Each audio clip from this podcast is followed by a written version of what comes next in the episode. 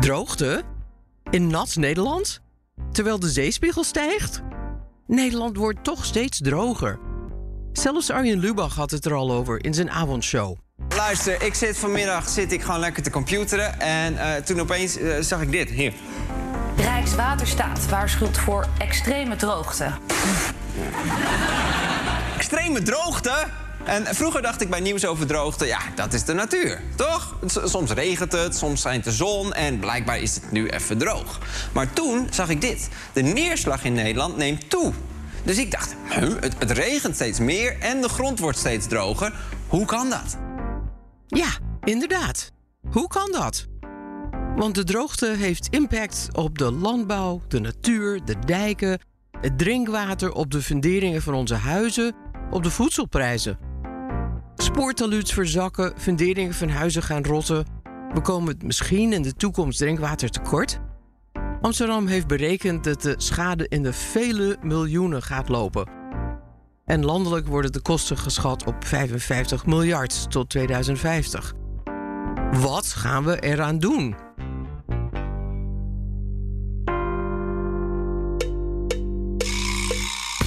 Je luistert naar Nattigheid, opbeurende verhalen over ons water.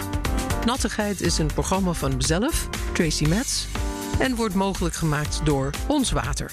Een samenwerking van het ministerie van Infrastructuur en Waterstaat met alle provincies, gemeenten, waterschappen en drinkwaterbedrijven. Dit is aflevering 6 van Nattigheid Droogte. Een sluipmoordenaar met drie maskers. Ja, ik weet het. Deze podcast heet Nattigheid. Dus je denkt, waarom hebben we het over droogte? Omdat die de onzichtbare keerzijde is van de wateroverlast.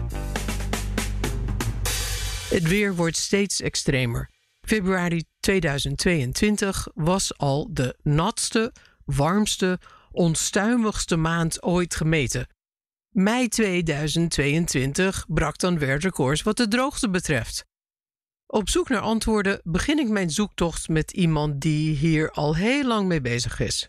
Ik zag drie jaar achter elkaar, 2018, 2019 en ook een beetje 2020, dat er in Nederland toch al veel langer problemen zijn met een tekort aan water. Dit is René Didde, wetenschapsjournalist en schrijver van het boek Nederlands Droogteland. Nederland, zegt hij, verandert van een waterland in een droogteland. Hij noemt de droogte een sluipmoordenaar met drie gezichten: verdroging, verzulting en verzakking. Het begrip heb ik trouwens geleend van de Utrechtse hydroloog eh, Nico Wanders. Die uh, had over droogte is een sluipmoordenaar die langzaam dichterbij komt. Je ziet hem eerst niet zo goed, maar hij wordt steeds duidelijker. En komt hij dichterbij, dan heeft die sluipmoordenaar ook nog eens een keer ter vermomming drie maskers om. En die maskers beginnen alle drie met een V. En de ene is de verdroging, hè, de, de krakende takken. En de beken die droogvallen en de vissen die op hun rug liggen. En de rivierdonderpad die uh, niet van wanten weet. Maar er is ook masker, uh, wat meer in het westen van het land speelt, wat te maken heeft met verzilting. Dat er steeds meer zoute stromen onder de dijken door, soms onder de duinen door, maar ook door de sluizen, de nieuwe waterweg opgaan, het Noordzeekanaal opgaan en daarvoor problemen zorgen. Daar allerlei sloten in de omgeving verzilten waardoor boeren met zoutwater te maken hebben. Waardoor er heel veel zoetwater nodig is in tijden van droogte. Maar als je het niet veel hebt, om dat dan door te spoelen. En het derde masker uh, wat die sluipmoordenaar uh, in zijn zak heeft zitten... wat hij ook voor kan doen, en dat speelt met name in het uh, Veenweidegebied... dat is het masker met de V van verzakking. De huizen die verzakking, de bodem die jaarlijks 1 centimeter... in Veenweidegebied zakt omdat de waterspiegel te laag wordt gehouden... door de waterschappen vanwege ook vaak weer de landbouw... maar vlak de steden ook niet uit. Hè. De steden hebben ook heel wisselend waterpeil nodig. We moeten voorzichtiger aan die knoppen draaien en we moeten meer het watersysteem de ruimte geven om de functies te laten bepalen. Eeuwenlang, echt eeuwen, had Nederland last van te veel water. Weg ermee, pomp het af naar zee. We denken, het kan niet op. Maar het kan wel op. Daarom doen we er wijs aan om dat water vast te houden. In bassins, in tuinen, zelfs in de ondergrond.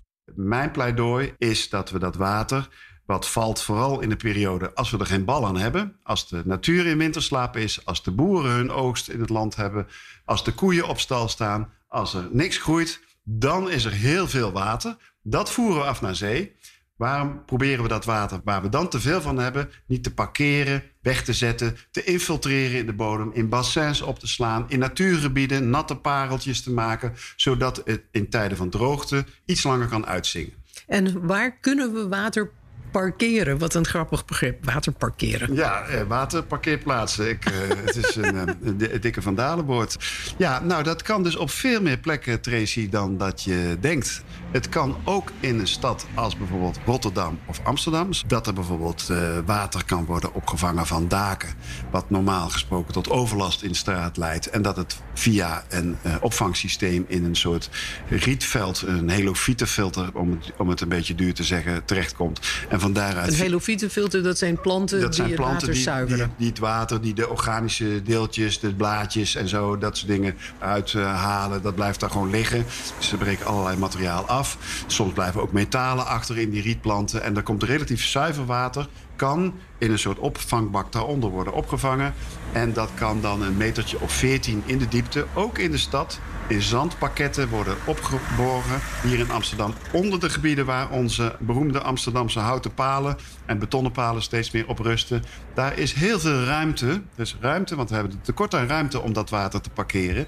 Uh, Maar dat, de, dat kan die je ruimte, hoe moet ik me dat voorstellen, René? Die ruimte die zit dan in het zand. Hoe krijg ik dat water in het zand? Met een soort brandslang? Stel, eh, Nou, het is eigenlijk hoe zo, werkt het? Het is een, een pomp die je met een brandslang het water naar beneden pompt. Je moet je voorstellen dat dat, dat zand dat is heel grof. Er is heel veel ruimte tussen de korreltjes.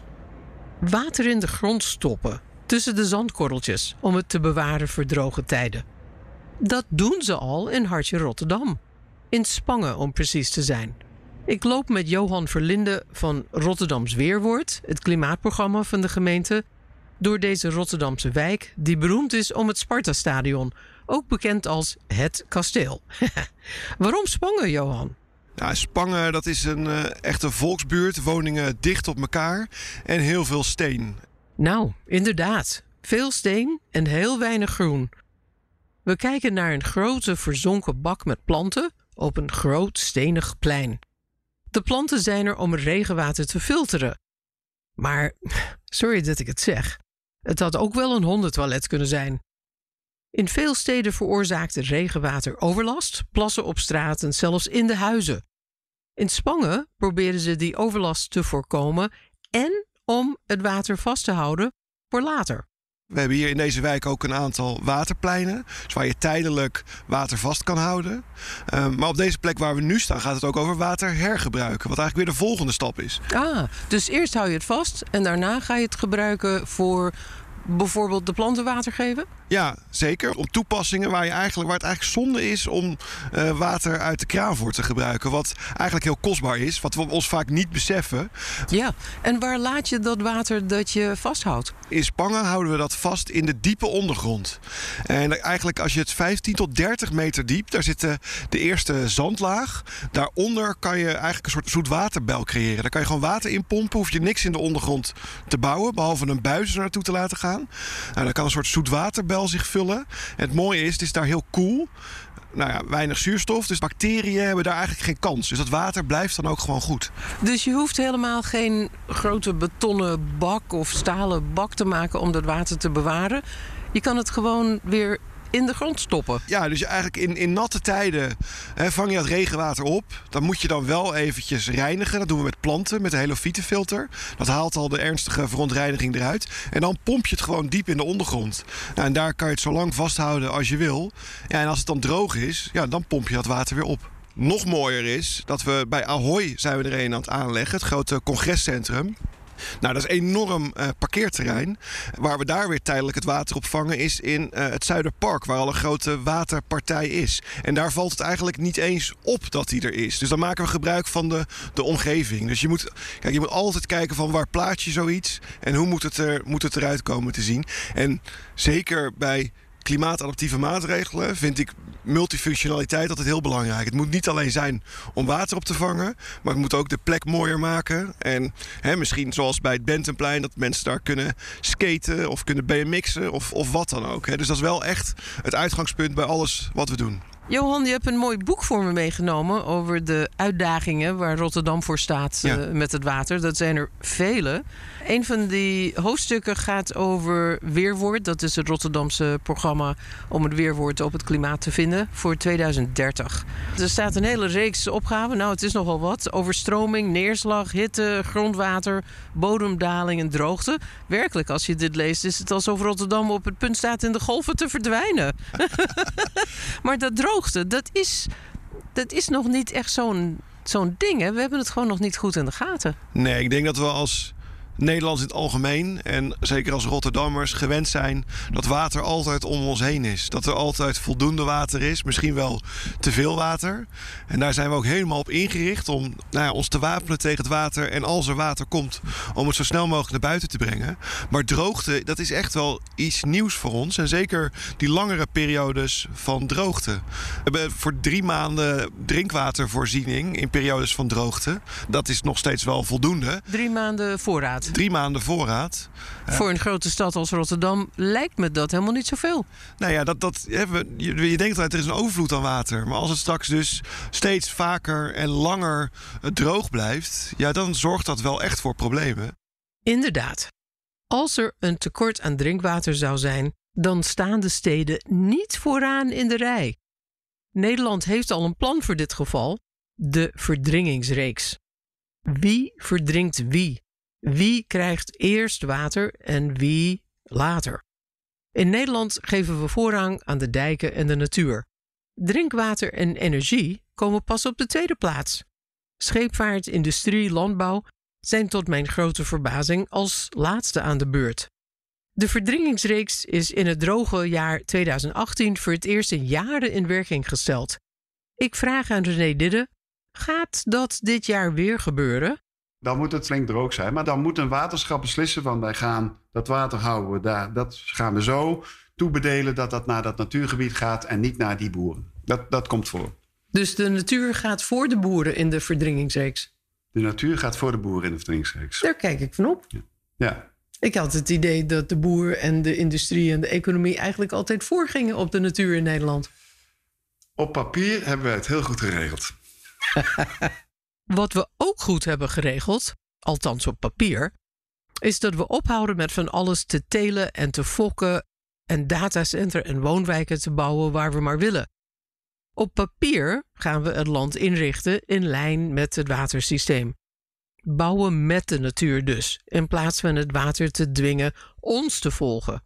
We moeten dat landschap heel duidelijk inschakelen om de functies die we hebben op de juiste manier in het landschap te doen, zodat er daar altijd water beschikbaar is. Niet overal in elke vorm van landschap maar elke functie toe te staan, maar de bodem en de waterstructuur laten bepalen welke functie daarbij hoort. Dat is het geluid dat je nu steeds meer hoort, hè? dat het water leidend moet zijn. Ja, ja, het staat ook in het regeerakkoord. eh, ik zal niet zeggen sinds mijn boek. Het is, het is, eigenlijk, dit is eigenlijk een heel oud verhaal. Het is een heel oud verhaal, maar het, het is heel weinig verteld. Laat staan dat er naar geleefd is.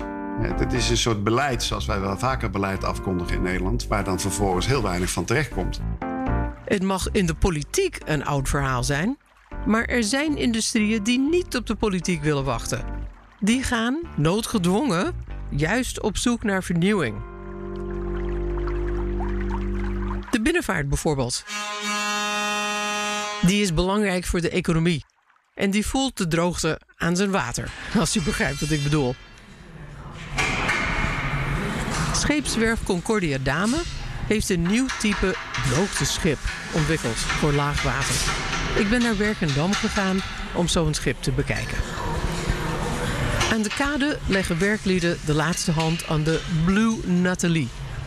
Volgens financiële man van Concordia, Tim van Bergem, vertegenwoordigt dit een flinke investering. De Blue Natalie is een van de, van de 40 schepen die uiteindelijk voor Shell gaan varen. En die uitstekend geschikt zijn ook voor vervoer op de Rijn. En heel goed kunnen omgaan met laag water.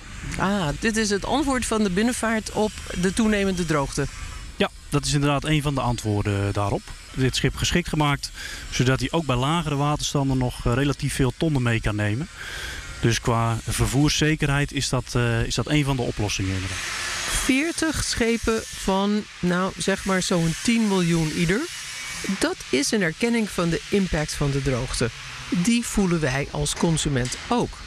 Want als ik het goed begrijp, was het probleem dat door de droogte dat de schepen vast kwamen te liggen en dus minder lading konden meenemen. Dat klopt. Nou ja, vastliggen gebeurt gelukkig niet zo heel snel. Ook in de binnenvaart niet. Je hebt best wel een strikte regelgeving. Die inhoudt dat je bij bepaalde waterstanden, bijvoorbeeld dus op de Rijn, maar ook in Nederland, dat je nogal verplicht bent om een bepaalde diepgang aan te houden. Eh, wat dus in de praktijk betekent voor die schippers en voor die schepen dat ze niet zo heel veel lading meer mee kunnen nemen. In heel veel gevallen bij laag water dat je soms twee, misschien wel drie schepen nodig hebt om dezelfde hoeveelheid goederen van A naar B te brengen. Dus dat heeft enorme impact. Dus twee tot drie keer zoveel kosten? Ja, twee tot drie keer zoveel kosten, twee tot drie keer zoveel uitstoot. Prijzen die voor de productie omhoog schieten daardoor, want de vervoerskosten nemen enorm toe. Dus dat merk je in de hele productieketen en de hele vervoersketen merk je dat. Ik zou het schip graag als iets nieuws en verrassends beschrijven. Maar als ik eerlijk ben, leek als ik ben, ziet ze boven water heel erg hetzelfde uit als al die andere schoenendozen die je door de rivieren heen ziet schuiven. Tim legt uit dat de vernieuwing vooral van binnen en onder water zit. Nou, er zijn een aantal dingen zijn anders ten opzichte van de wat meer conventionele binnenvaartschepen.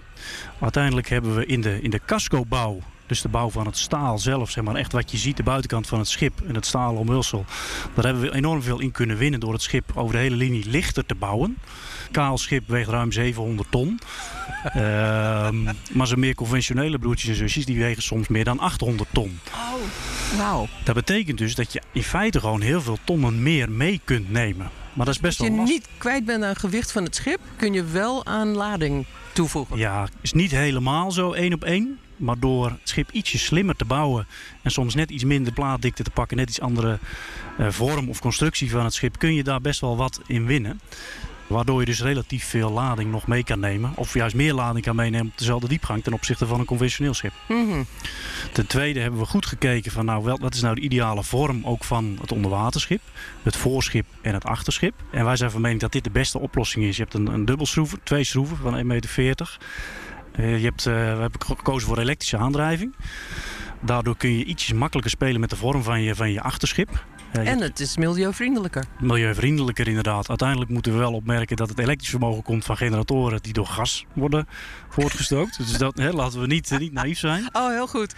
Ehm, Linksom of rechtsom, Ja. het is nooit goed, hè? nee, maar wat we hebben gedaan, we hebben gekeken naar een schip wat, zoals dat zo mooi noemen, gelijk lastig ligt. Dus wat in lege conditie vrijwel horizontaal in het water ligt. Vaak hebben schepen alle techniek achterin, waardoor een schip een beetje achterover ligt. Oh ja. Nou, onder bepaalde condities moet je dan best wat ballast zetten om het schip weer eh, fatsoenlijk van A naar B te krijgen. Nou, daar hebben we hier geen last van. We hebben alle techniek voorin en de vorm van de boeg ook ietsjes aangepast om het schip dan mooi vlak te laten liggen. Ik kan me voorstellen dat als een fabriek zijn onderdelen of zijn gas of wat het ook is niet beleverd kan krijgen via de binnenvaart. Dat hij denkt, nou, ik wil wel zeker zijn, eh, ondanks de droogte, dat mijn spullen komen. Ja. Dus dan gaat hij bijvoorbeeld naar het spoor. Ja, ja, ja En dan heeft de binnenvaart het nakijken. Dat klopt. Gebeurt dat In die zin concurreert de binnenvaart natuurlijk met het wegtransport en transport over het spoor. En inderdaad, dat is zeker waar. Op het moment dat, dat bij, eh, als het water een beetje zakt, dat alle schippers zeggen: ja, sorry, het kan niet meer. Ja, dan zegt een fabrikant natuurlijk ook van jongens, dan ga ik andere methoden zoeken.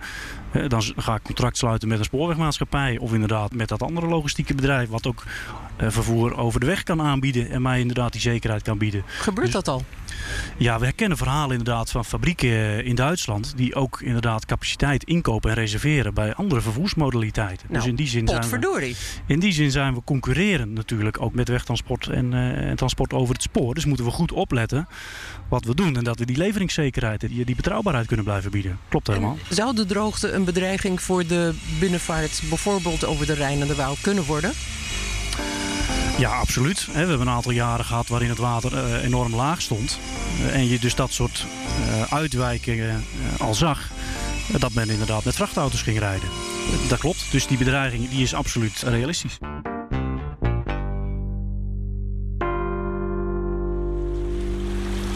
En nu van de scheepvaart naar de natuur. We zijn, uh, Gertjan, uh, op de Veluwe. Prachtig jaargetijde in het voorjaar. Een heel koude dag vandaag. Zeg. Alle gras is groen, de margrieten en de boterbloemen springen eruit. En we staan hier bij jouw favoriete beek op de Veluwe. De Verloren Beek. De Verloren Beek. De Verloren Beek bij Epe. En dat is een uh, beek die zo'n merkwaardige naam heeft. Want waarom is een beek verloren? De verloren beek is verloren omdat hij ooit gegraven is om water naar een watermolen te brengen. Maar die watermolen is er nooit gekomen. Verloren moeite dus. Dat is het verhaal van Gertjan Blankena, gepensioneerde ecoloog bij de gemeente Apeldoorn en visserredder. Zijn verhaal over deze beek gaat over de kleine visjes. Want het kleine verhaal van die kleine visjes staat voor het hele grote verhaal van onze tijd, van het klimaat en het water en de droogte. Dit is een fantastische beek. Totdat het droog werd. Ah, en dat was, ik vermoed, in de zomer van. 18. 2018. Ja. 18 en 19 en 20 was ook een droog jaar. Toen viel deze beek droog. Helemaal? Volledig. En dat is toch iets waar vissen niet goed tegen kunnen. Zeker niet. Dat is meestal het dus, einde. Uh, omdat juist deze beek zo uniek is, uh, we gelijk uh, het waterschap gewaarschuwd. En de overkoepelende organisatie die zich bezighoudt met vissen en reptielen en amfibieën. RAVON, dat is zo'n wetenschappelijke club uit, uit Nijmegen. Maar wel heel invloedrijk. Die hebben een, meteen een, een, brief geschreven. Ja. Ik heb dat zelf ook gedaan namens onze pisclub. Help, help, jullie moeten acuut nu komen om de zaak te redden. De beek was drooggevallen, maar de visjes leefden nog in de spoelkuilen. Gert-Jan en zijn vrienden kwamen meteen in actie.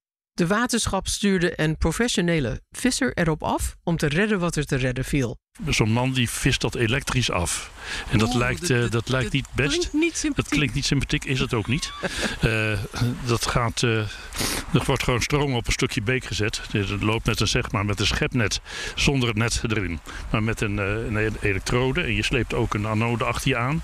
En dan staat dat stukje tussen dat schepnet en dat ding wat achter je aansleept.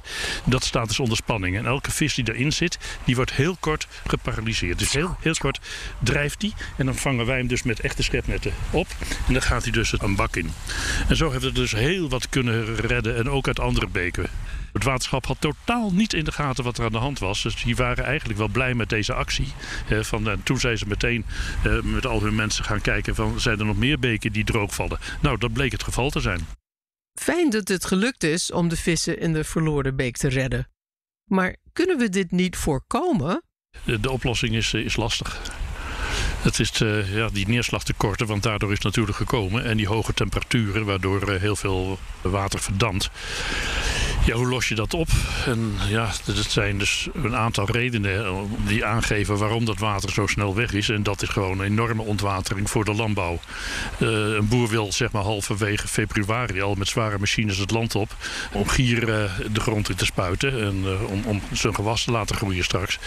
De andere reden is de drinkwaterwinning. Dat zorgt natuurlijk ook dat het waterniveau laag komt. Wat ze nu doen is water pompen aan het eind van deze beken.